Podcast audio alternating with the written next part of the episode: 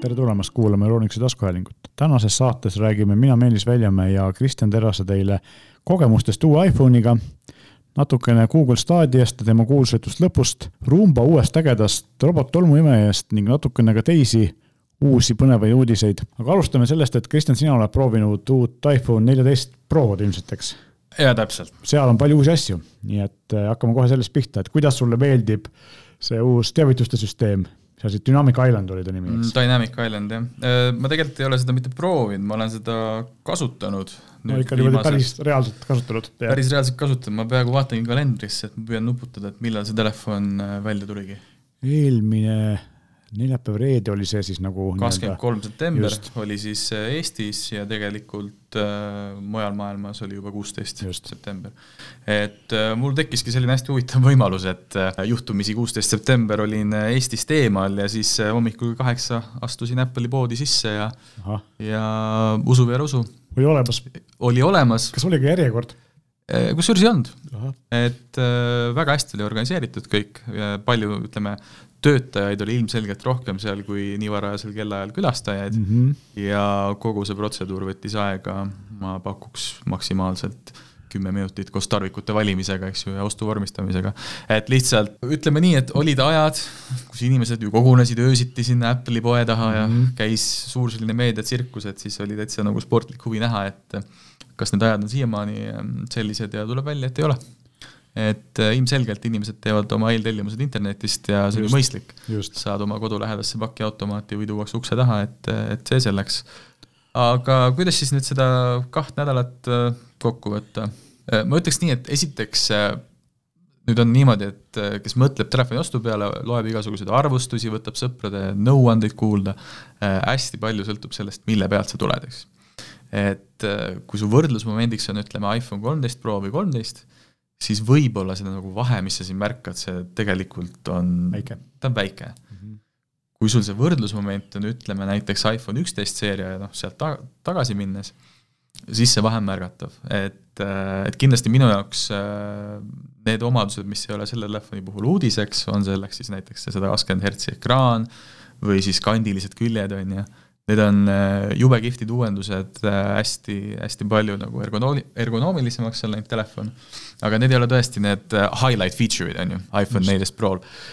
et kui ma tulen oma jutuga tagasi sinu selle esimese küsimuse juurde, et Dynamic Island, kas on siis muutnud elu jäädavalt, jah ja ei, et, et ilus asi, eks, praktiline on see teine küsimus ta, ei, ta, ta on kindlasti hästi praktiline ja noh, selles mõttes on nüüd nagu huvitav, on ju, et Apple'il on, on täiesti äh, kaks nagu erinevat telefoni, et. just, äh, et tegelikult et, siia sinu jutule nagu otsa ongi ju see, et kui sa tuled nii-öelda siis iPhone kaheteistkümne, kolmeteistkümne tavalise iPhone neljateistkümne peale mm, see vahe on väga väike, eks ole, võib-olla see olematu, noh mm. niimoodi tunnetuse järgi. kui sa tuled kasvõi kolmteist Pro pealt neliteist Pro peale, siis tegelikult tarkvara mõttes see vahe on isegi natuke nähtavam, eks ole, et neist mm. needsamad tarkvara, see alatöös ekraan ja siis see Dynamic Island, eks need on nagu asjad, mida varem ei olnud, aga ja mida ei ole ka sellel nii-öelda siis tavalisel iPhone neljateistkümnel, eks. noh, enne kui me selle kusjuures Dynamic Islandiga edasi läheme, ma tahan mainida, et äh, vähemasti nendest tehnika arvustajate ringkondades on jube palju jutuainet pakkunud see always on display.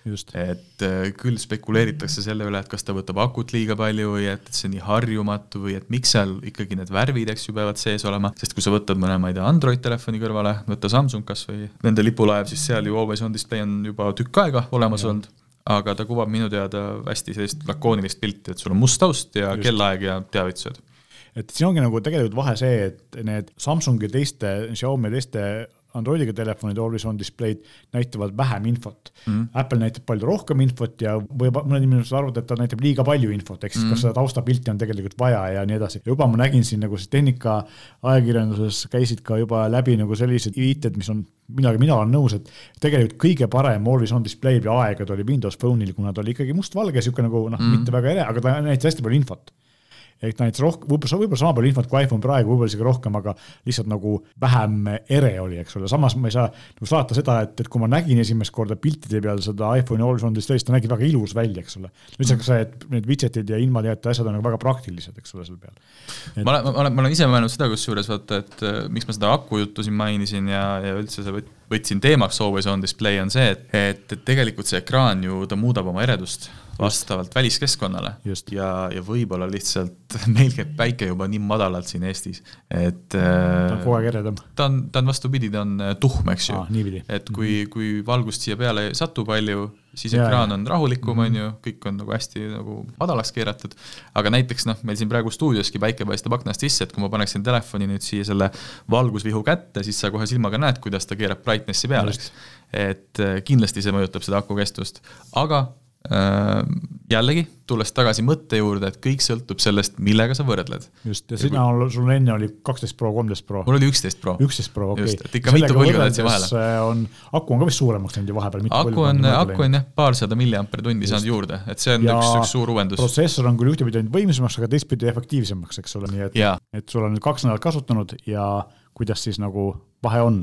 et äh, aku kestvusega on jah niimoodi, et, et samamoodi nagu ma algul mainisin, see sõltub sellest, millega sa võrdled et äh, ma võtan omaenda isikliku selle iPhone üksteist Pro, kuigi mul telefon väidab, et aku nii-öelda siis, mis see siis on, SO hash on äh, autode puhul, ehk siis state of health mm. -hmm. et, et, et kui see, kui see oli mul üheksakümmend neli protsenti, siis mingil põhjusel mul viimasel ajal oli, ütleme, isegi raske nagu päeva lõpuni, et oh, telefon vastu peaks. Ja, ja kui ma nüüd siis võtsin sedasama sisu, mis seal telefonis oli, tegin iCloud back-up'ist ähm, taastamise mm, -hmm. siis täpselt samade kasutusmustritega uus telefon on mul päeva lõpus, ma ütleks, niisugune mingi seitsekümmend protsenti akut alles. nii et hoolimata kõigest sellest, et see on igasuguseid uusi asju ja ekraan on pidevalt sees, on ta tegelikult, kestab sul kaks korda vähemalt kolm korda kauem praktiliselt, eks ole. jah, jah ja., aga, aga see ongi, et, et noh, see on, see on nii individuaalne asi, et ma mäletan nagu hästi, et olid ka mingisugused sellised aastad, kus äh, olid äh, need muudatused, mis tulid telefoni, olid nii nagu suurejoonelised või et need vajasid pidevat testimist igas olukorras võtsid oma kaheksa megapikslise kaamera välja, tegid tead, eks ju, öötajavast pilti, et et kõik oli nii nagu uus ja, ja, ja teistsugune, siis noh, täna need vaata, need muudatused võib-olla Nad ei ole nii silmaga märgatavad, ma pean silmas siin alates ekraani kvaliteedist, mis kusjuures on ka läinud äh, kordades paremaks just päikese käes, see on see kaks tuhat nitti, on ju, ja see on reaalselt, sa võid olla täiesti päise päeva ajal, võtad telefoni välja ja sa näed kõike sealt. Mm. -hmm. et, äh, et need muudatused on läinud siis nagu selles mõttes raskemini tajutavaks ja selle võrra sa lihtsalt ei näpi teda nii palju, on ju, et äh, ei tea, aga, aga fakt on see, et äh, kõik mul toimib laitmatult kõik on jube kiire, jube sujuv, telefon ei lähe kuumaks, okei okay,, ma ei mängi mänge ka, eks ju, aga, aga siiani on ta käes jahe olnud, pilte teeb imeliselt ja, ja kokkuvõttes ongi lihtsalt üks väga hea telefon. mis tegelikult ongi eesmärk, et just. oleks väga hea telefon ja samas lihtne ja samas töökindel, eks, ja ongi just. kõik, jah. Okei okay,, on sul mingisuguseid veel nagu selliseid muljeid, mis, mis on siin nagu, ma ei tea, noh, kui sa ütled, on lihtsalt väga hea telefon, võib-olla mingeid üllatusi pole olnud, eks ole? mind kindlasti üllatas see nii-öelda siis ülim stabilisaator, see action mode kaamera ah,. jaa, videos. et just, et mis on nagu räägitud ja minu arust isegi Apple on maininud seda oma nagu ametlikes dokumentides, et see nagu režiim vajab tavalisest rohkem valgust, ehk siis see on mõeldud niisuguses nagu päevastes tingimustes kasutamiseks mm -hmm. ja ta tõesti silub selle pildi hästi ära, et et äh, me tegime siin katsetust, kus nagu jooksurajal, eks ju, käest hoides äh, sai filmit-, filmitud ja, ja see video on täiesti sujuv, nagu oleks siis selle käsistabilisaatoriga võetud, eks ju. et tal on küll jah, see teatav selline crop factor, ehk siis ta Lõiku kasutab ära äärtest, eks. ja, ja, ja mm -hmm. ta kasutab nagu seda null koma viis X kaamerat, mis on muidu ülilai nurk, aga, aga sellistel puhkudel ta cropib sisse selle. okei okay,, teeme korra pausi no sellega on ju tegelikult niimoodi, et äh, iPhone'i video osa on just olnud juba päris pikalt konkurentidest niivõrd palju parem, et keegi teine vastu ei saa ja, ja selle stabilisaatori režiimiga läheb ta ju tegelikult nagu veel ette teistest, eks ole, et aga jäi sul veel midagi meelde või äh, ühesõnaga võime anda julge soovituse, et kes tahab endale head iPhone'i, siis võib uue iPhone'i vabalt osta, eks ole, et äh, hea asi on läinud veel paremaks päris mitut pidi kus ütleme jah, et, et äh, reeglina inimene, kes kasutab juba täna iPhone'i, ta teab, mida ta sellelt telefonilt ootab ja, ja mis on need tugevad küljed ja, ja mis on nagu veelgi tugevamad küljed, eks ju.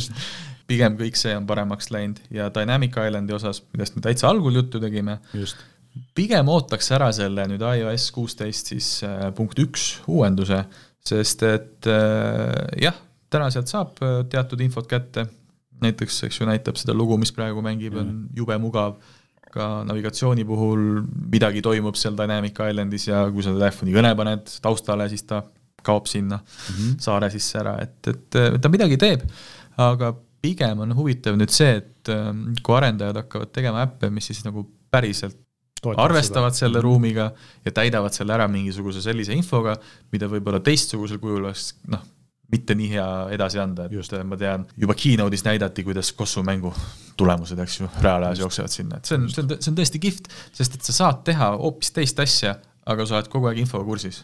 just, või mitu minutit pärast sul takso jõuab, eks. jah no,, et, et eks, eks päeva lõpuks sa saad samasuguse tulemuse kätte, kui sa näiteks, ma ei tea, Galaxy Note'is teed ju kaks akent paned kõrvuti, on ju, ja just. ühest näed oma neid mm -hmm. skoore, aga, aga iPhone'i puhul on teistmoodi.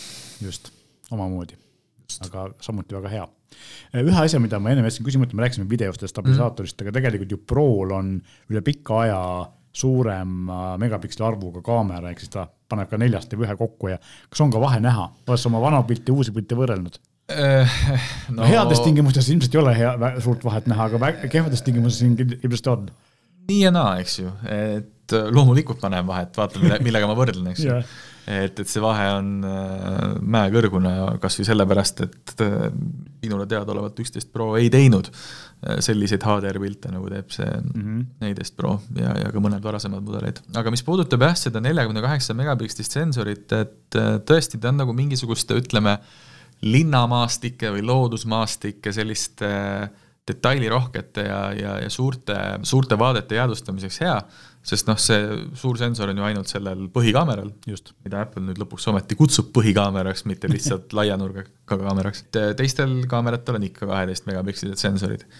Ja ma ütleks nagu seda, et, et selleks, et seda nelikümmend kaheksa megapikslit kätte saada, sa pead tegelikult siis tegema eelnevalt menüüs sellise valiku, et kui ma kasutan äh, ProRAW formaati mm., siis tee neljakümne kaheksast pilti, mitte kaheteistkümnest ja ühtlasi sa pead kaamera äpis lülitama sisse selle ProRAW nupu mm. -hmm ja natukene läheb pildistamine selle võrra aeglasemaks või noh, õigemini mitte pildistamine ise ei lähe aeglasemaks, aeglasemaks läheb see salvestamine, salvestamine. Mm, -hmm. aga noh, et siis nagu kuulaja aru saaks, millest ma räägin, on see, et äh, null koma kaks sekundit on mingisugune Just. ratas keerleb seal päästiku sees, on ju, no see on täiesti nagu olematu vahe. aga selle suurema sensori põhieesmärk on ikkagi see, et kui sa teed temaga ikkagi seda tavalist kaheteist megapikslist pilti, mida ta siis neljast pikslist kokku monteerib, siis äh, see tulemus peaks olema nagu just keerulistes oludes parem, kui teeb seda HDR-i näiteks, erida päiksevalguse käes ja vastupidi mm -hmm. hämaras, eks ole, siis see vahe peaks olema varasemaga võrreldes no, mina, mina sain nagu aru niimoodi ja ütleme, et mu enda selline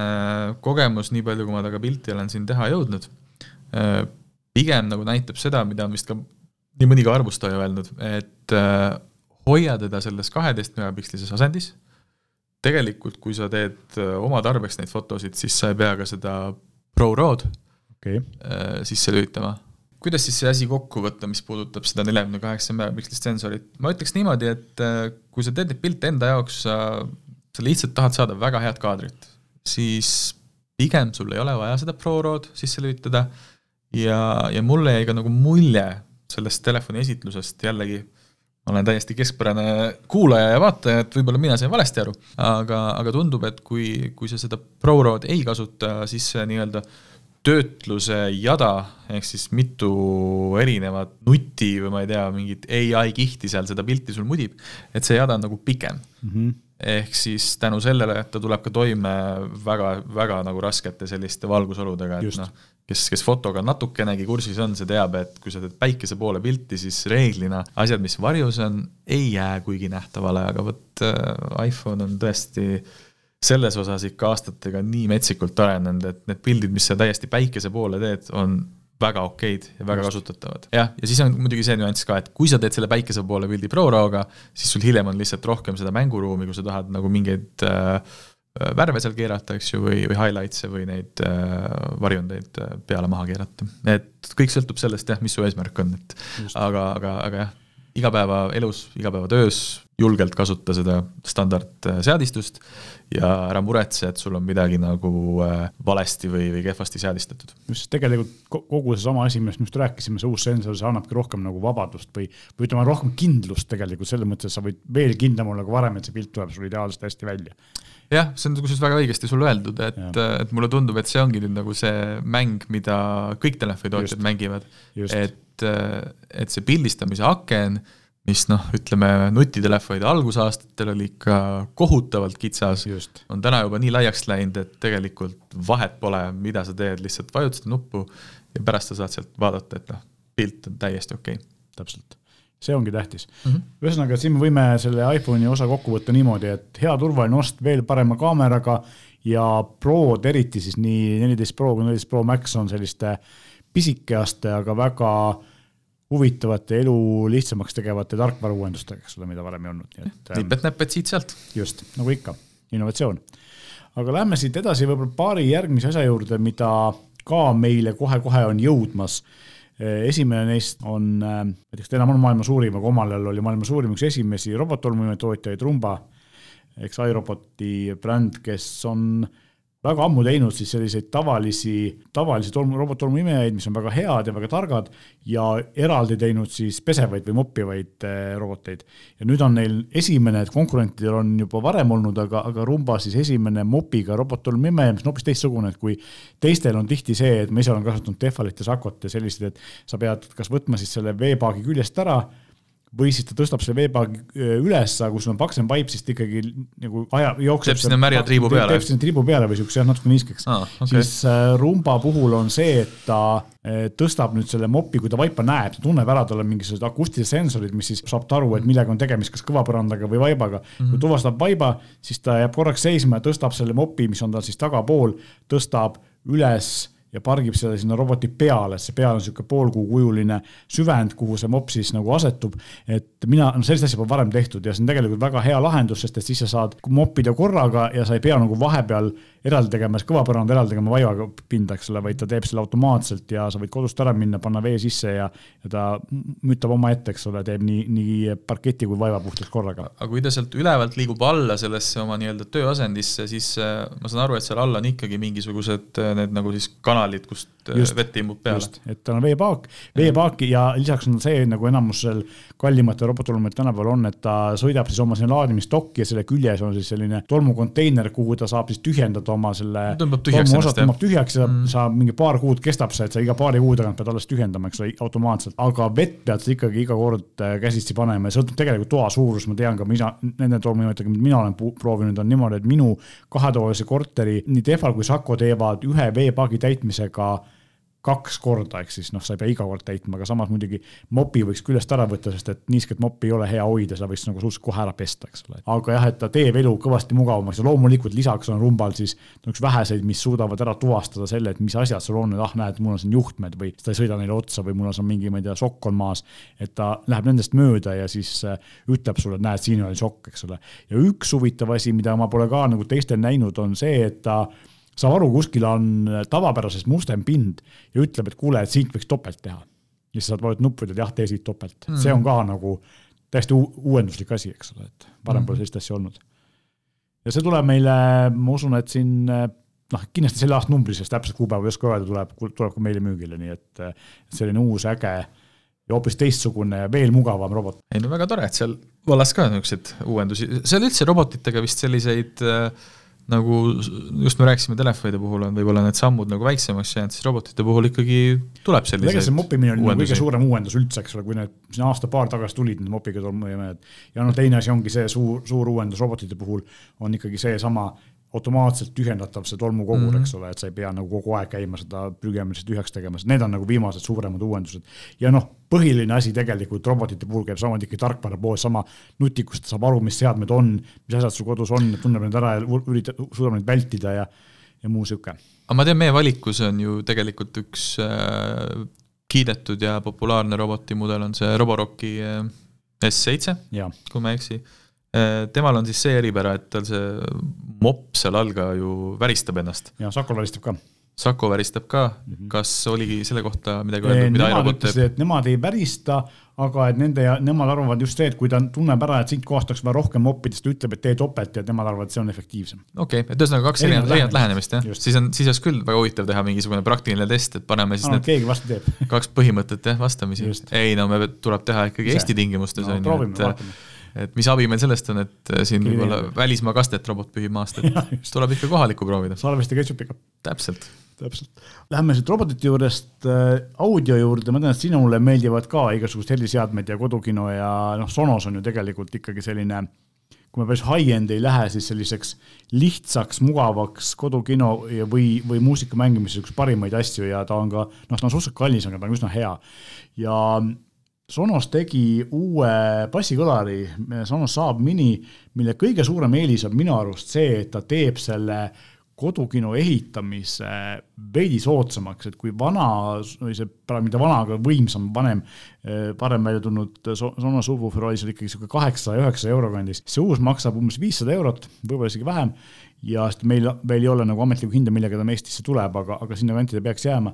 ja ta võtab kõvasti vähem ruumi, eks ole, et mm. ja ta on huvitava disainiga, et noh, kui me teame, et tavaliselt on kas bassikõlar läheb alla, siis neil on nagu kaks bassielementi, mis liiguvad üksteisele vastu ja keskel on sihuke auk. seal on äh, see eelis, et, et tegelikult saad ehitada kodukino niimoodi, et sa võtad selle pisikese piimi või pisikese soundbar'i, mis tegelikult on nagu ka suhteliselt hea heliga, aga noh, päris madalat bassi filmi jaoks jääb ikkagi väheks veits.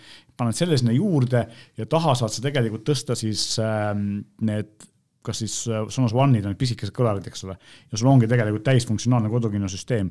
või kui sa tahad nagu teha mingit disainilahendust, siis tegelikult nad töötavad ka nende IKEA lampidega, eks ole, mis on siis nagu kõlar, Sonose mm süsteemis kõlar pluss lamp, eks ole, et kui sa tahad nagu mingit disainilahendust, siis töötab ka sellega ja Sonose enda kõlarid äh, väidetavalt teevad natuke paremat seda surround efekti, eks ole, aga, aga ikkagi ta töötab ka niimoodi.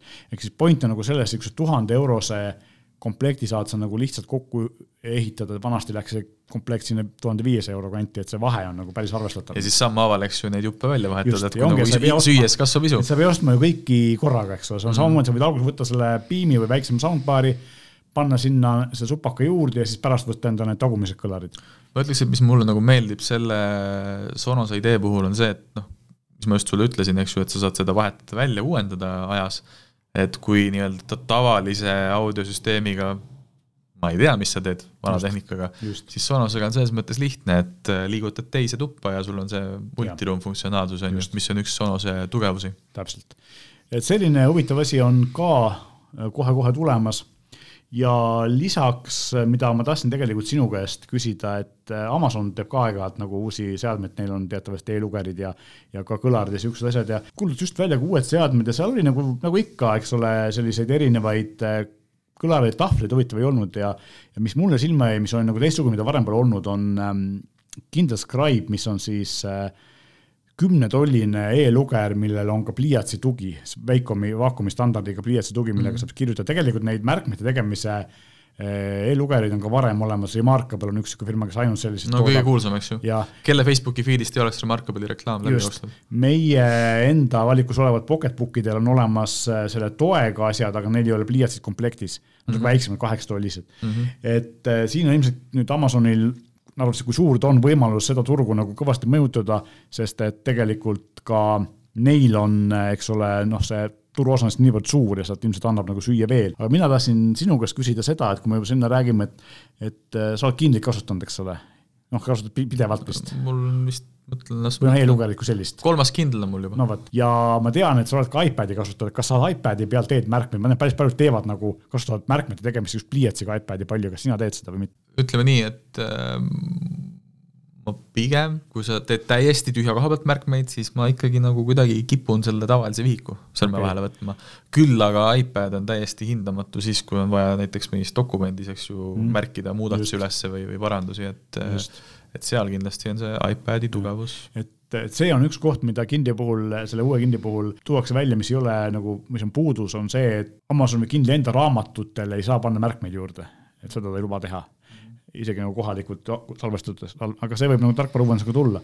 aga selline huvitav asi ja teine asi, mis mul silma jäi, on see, et Amazoni käes on või nende, nende poolt ära ostetud brändi hulgas on ju ka tuntud ruuteritootja Eero ja uued Echo Dot kõlarid, mis nüüd välja tulid, siis äh, omavad repeater'i võimalust, ehk siis nad mm., kui sul on Eero ruuter ja sa tahad nagu laiendada seda leviala ja siis ostad selle Echo Dot kõlari, siis tegelikult selle abil saad laiendada oma wifi leviala ka, mis on tegelikult väga huvitav äh, selline nüanss, et ma mäletan, et kui siin mõni aasta tagasi, kolm enne, enne koroonaepideemiat, kolm aastat tagasi tuli äh, Arlol, eks tol hetkel oli ta veel Netgear, eks ole, nüüd ta on eraldi veel brändi all, tuli välja siis Mesh, äh, see mit-, mitme purgiga wifi süsteem, millel oli ka siis Harmo Kardoni kõlar oli sisse ehitatud, siis ma mõtlesin, noh, et see on väga hea omandus, kõik võiksid, ruuteritootja võiks sihukest asja pakkuda. nüüd on nagu, et nemad ehitasid ruuteri sisse kõlari, nüüd Abbas tegi kõlari sisse ruuteri, et, nagu veits teistpidi, aga efekt on nagu põhimõtteliselt sama, eks ole, et saad magamistoas on väga hea lahendus, et sa ei pea kasutama eraldi ruuteripurki ja eraldi kõlarit, vaid sul on kaks ühes. et see on nagu tegelikult selline huvitav lahendus, noh, probleem on selles, sa pead olema seal nende ökosüsteemis kinni, ükskõik kelle oma sa siis võtad, eks ole, see on nagu selle võib-olla piiriks. kas see et, kuidagi mõjutas nüüd selle Eco Doti hinda ka, et kusjuures ta, noh, kõik asjad on natuke kallimad, kuna inflatsioon on, aga ja. ta oli võib-olla kümme, kakskümmend protsenti kallim, ta ei olnud palju kallim. Okay. et ta tegelikult ja ta nägi väga samasugune välja kui eelmine põlvkond, nii et. vot seda ma vaatasin küll jah, et äh, ta läks ümmarguseks palliks ja just, ta on jätkuvalt sihuke pall. just, see pall on päris äge, ta tegelikult on suurem, kui tundub, et mina käisin kui ma siin IFA-l käisin Saksamaal, siis ma vaatasin poes seda, sest Eestis ju neid poes ei ole näha, eks ole, siis äh, ta pildi peal tundub väiksem, kui ta tegelikult on nii et ta tegelikult so. ja, ja seepärast võib-olla, tegelikult ka AirPod äh, Apple'i oma on pildil väiksem, tegelikult on, eks ole, et, et nad. HomePodi mõtled? jah, HomePodi, sorry, et äh, Apple'i HomePod on samamoodi pildi peal väiksem, kui tegelikult on ja, ja kui sul pildi peal tundub, et on pisikene, ei saagi mingit häält teha, siis tegelikult, kui seda päris otsa vaadates tundub, ah, et katsud ka veel, päris raske, eks ole, et äkki ikka, noh, tõenäoliselt ikka teeb päriselt head häält, eks. et selles mõttes ähm, huvitavad lahendused ja lõpetuseks siia otsa veel mainime sellise oota, ma küsin sult küsi. lõpetuseks Google Stadiat oled kasutanud?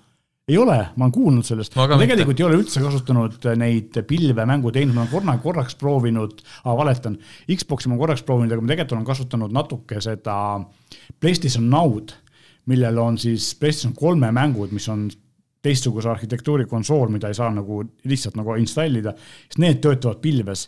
Ja seal, kui ma alguses proovisin, seal oli natuke probleem, minu jaoks oli probleeme heliga, aga jah, et noh, ma olen jätkuvalt veendunud, et see pilvemängude tulevik võib olla tulevik, aga no me näeme siis Stadia näites, siis ei ole lihtne. ehk siis sa tahtsid sinna jõuda, et Stadia tuli ja teda enam ei ole või varsti enam ei ole? Äh, kuidagi märkamatult käis, tegelikult oli Stadia mitu aastat ju aastat, äh, jah, väljas, et äh, ja tunne on nagu see oleks olnud alles eile, eks ju. et, et nii ta on, et täna on siis meil salvestuspäev on reede ja eile tuli uudis selle kohta just, et, Google paneb Stadia kinni, siis tuli ootamatult ka Stadia enda töötajatele, kaasa arvatud nende juhtidele, et see oota-, otsus tuli ootamatult. see jällegi natuke kõigutab ilmselt inimeste usku Google'isse, sest räägid juba alguses, et noh, et see on selline riskantne äri ja, ja sellest kindlasti esimesed viis aastat nagu mingit tulu ei saa tulla, et kas Google suudab selle, seda kulu nii-öelda viitsib ja,, jaksab kanda, mitte jaksab, raha neil on, aga kas nad nagu tahavad seda teha. nüüd on selge, et noh, ilmselgelt ei läinud see nii edukaks, kui nad tahtsid ja nad mm. ei taha seda kanda, aga mis on Google'i puhul või nende puhul nagu selline positiivne uudis on see, et kõik inimesed, kes on ostnud endale selle Stadia puldi, millega seda kasutada saab, kõik, kes on ostnud Stadia süsteemist mänge või lisapakette, kõik makstakse tagasi. Ma just seda tahtsingi sulle öelda, et, et, et sa mainisid, et see nagu siin äh, justkui nagu paneb kahtluse alla mingisuguse usaldusväärsuse Google'i suhtes, et vastupidi, et, et kui Google midagi uut välja toob, siis sa juba eos arvestad sellega, et see teenus ju ei kesta igavesti. ma arvan, et tegelikult see võiski olla üks Stadia sellise ebaedu põhjusega, et inimesed ei julgenud seda ja. sinna minna, sest no just, nad arvasid. Track record on eks ju selline. aga, aga see, et Google nüüd maksab tagasi konsooli hinna, puldi hinna, mängud sulle ja, ja et sa saad ju sealt Stadiast oma save game'id tõmmata alla ja, ja viia siis kuhu iganes sa hakkad edasi mängima müts maha Google'i ees, väga, väga kliendisõbralik lahendus. ja siis need inimesed, kes nüüd äh, on maksnud kuumaksulist teenust, et seda tagasi maksta, aga mida nad neil inimestel teevad, on see, et äh, neli kuud kuni jaanuari keskpaigani veel see kolm, kolm pool kuud siis umbes, see teenus veel töötab mm -hmm. ja selle nad kolme poole kuues nad enam raha ei võta, aga saavad kasutada selle teenuse töötamise lõpuni, nii et, et täisfunktsionaalsuses, kui sa ennem oled raha maksnud selle eest. et tegelikult nagu tegid sellise aumeheliku liigutuse, ma ütleksin, ja läksid paisele kinni nagu niimoodi viisakalt. väga okei okay.. just, aga noh tegelikult samas Sony üritab ehitada ju oma mingit PlayStationi põhist, me veel ei tea, milline see tuleb, eks nad panid ju praegu need teenused kokku, eks tegid sellest PlayStation Now'st ja mm. ja plussist tegid ühe suure plussi, seal on küll vähe nagu sellist stream itavaid teenust ja küll see tuleb Xboxil on see üsna edukas, tegelikult ka Nvidia ja Steam teevad nagu sarnast asja, eks ole, nii et, et neid konkurente on seal piisavalt palju. Amazon teeb ka midagi, tal on midagi Stadia sarnast, aga no samamoodi, et, et erinevas staadias ne, nemad kuulutasid välja ja peale seda pole nagu midagi kuulda olnud. kuna see vaata pilvepõhine mänguteenus on nii sõltuv sinu sellest kohalikust võrguühendusest ja, ja, ja side kvaliteedist, siis, siis oleks nagu mingis mõttes võib-olla isegi huvitav teada, et kui paljud Eesti majapidamised, ütleme siis nagu potentsiaalselt suudavad äh, sellist teenust tarbida? meil on tegelikult äh, paljude asjadega on meil suhteliselt hästi, kahel põhjusel, esiteks on see, et suured linnad on meil optilise kaabliga päris hästi kaetud sõltumata operaatorist täiesti, eks ole, et meil on kiirused päris head ja ka hilistus on päris hea. teine asi on see, et päris paljude nende samade kuigi meil on väike riik ja meil ei ole nagu siin kohapeal neid servereid, eks ma just ole. tahtsingi öelda, et see ju ei sõltu sellest, et kas sul koju tuleb nüüd see fiiber, see sõltub ka sellest, kus asub see mänguserver. ja siis tuleb aga. Paljud neist serveritest Euroopas, vähemalt siin meie kandis, asuvad Rootsis mm. -hmm. Eestis on otselink merepõhja alt Rootsiga, et meil see Rootsi ühendus on päris hea ja see mm -hmm. on nagu meie tugevus tegelikult. et äh, meil on parem ilmselt kui, ma ei tea, Leedus või, või kuskil sealkandis, eks ole, et, et selles okay. mõttes on jah, et selles mõttes on, on see tegelikult ikkagi noh, ka meil on ta tegelikult täitsa mängida, mitte nii ideaalselt, kui võib-olla võiks, eks ta aja jooksul ka paraneb, aga iseenesest on nagu selge see, et, et mingil määral on see tulevik, aga see tulevik on veel hetkel nagu suhteliselt kaugel ja ma eile õhtul veel lugesin ühte artiklit selle kohta, äkki see oli Verge'is või kuskil, kus siis avaldati arvamust, et pilvemängud saavad äh, nagu mainstream'iks või mõistlikuks siis, kui nad nii-öelda kaovad ära või kui sa ei saa aru, et see on pilvest tuleb see teenus, eks ole, et on identne kohaliku teenusega. ma olen, ma olen selles mõttes hästi sama meelt, et, äh, et, et siiani on mul endal kulunud natuke aega, et, et enda jaoks mõelda välja see, see 5G noh, praktiline kasutus on ju. ma ei räägi sellest, et kuidas professionaalid kasutavad seda, see, see ei puuduta mind, sest ma ei ole selle, selle valdkonna nagu äh, inimene. aga et sellise kodukasutajana siis, siis ma mõtlesingi, et oh, et kuule, äkki nagu nende pilvemängude jaoks see 5G võiks olla päris äh, hea asi. sest et äh, kui me räägime nagu äh, sellest, et kas niisugune teenus nagu noh, nüüd hingusele minev Stadia võiks asendada minu kodus olevat Playstationit, siis mulle tundub natukene tobe see olukord, et ma ühendan konsooli oma, eks ju, elutoas lahti, pakin ära, lähen, ma ei tea, kas või suve maakoju, eks ju, või lähen kuskile sõbrale külla ja ma ei saa seda kasutada sellepärast, et seal ei ole piisavalt häid tingimusi internetiühenduse osas, et see on nagu noh, ilmselgelt äh, see ei ole mingisugune eelis päris konsooli ees, sest päris konsooli ma võin, ma ei tea, kasvõi keset metsa, võtan elektriauto väljunud pesast voolu ja mängin oma mänge, on ju. just, et seal sõltub hästi palju sellest, noh, kui me räägime 5G-st, eks ole, et kui palju sul seal ümberringi teisi inimesi on, kes sama asja tahavad teha või, või, või aktiivselt kasutada, eks ole, sest 5G puhul ta on kindlasti kiirem kui 4G, mis kiirem selles mõttes selle viivituse mõttes, eks ole, aga eh, see sõltub sellest, kui palju neid pakette peab erinevate klientide vahel ringi lülitama ja kui kiiresti see käib, et kui sa oledki kuskil maamajas, kus on tegelikult mastile suhteliselt ligidal, aga seal kandis ei ole suuri asulaid või väga palju, siis ma arvan, et saadki sa selle 5G-ga väga hästi mängitud. jah, võib-olla isegi see 5G mainimine nagu raamistas selle mõtte liialt ära, et ja. nagu sa ütlesid Virgil loost äh, välja lugesid, et põhimõtteliselt sa võid see peab lihtsalt ära haihtuma, see nagu see tulevik, tulevik saab olla edukas siis, kui sa võid mängida ükskõik kus, sõltum-, hoolimata sellest, et sa pead mõtlema selle peale, et ah, et see on ju pilves ja see ei pruugi töötada. täpselt, väga õige mõte. ja kui selleni jõuame, siis, äh, siis on tulevik helge, aga ma arvan, see võtab veel ikkagi mõned aastad, kui mitte kauem, nii et äh, ootame huviga aga sellega tõmbamegi selle saate kokku ja kindlasti räägime teile uutest põnevatest asjadest järgmisel nädalal. aitäh ja järgmiste kohtumisteni! täname kuulamast!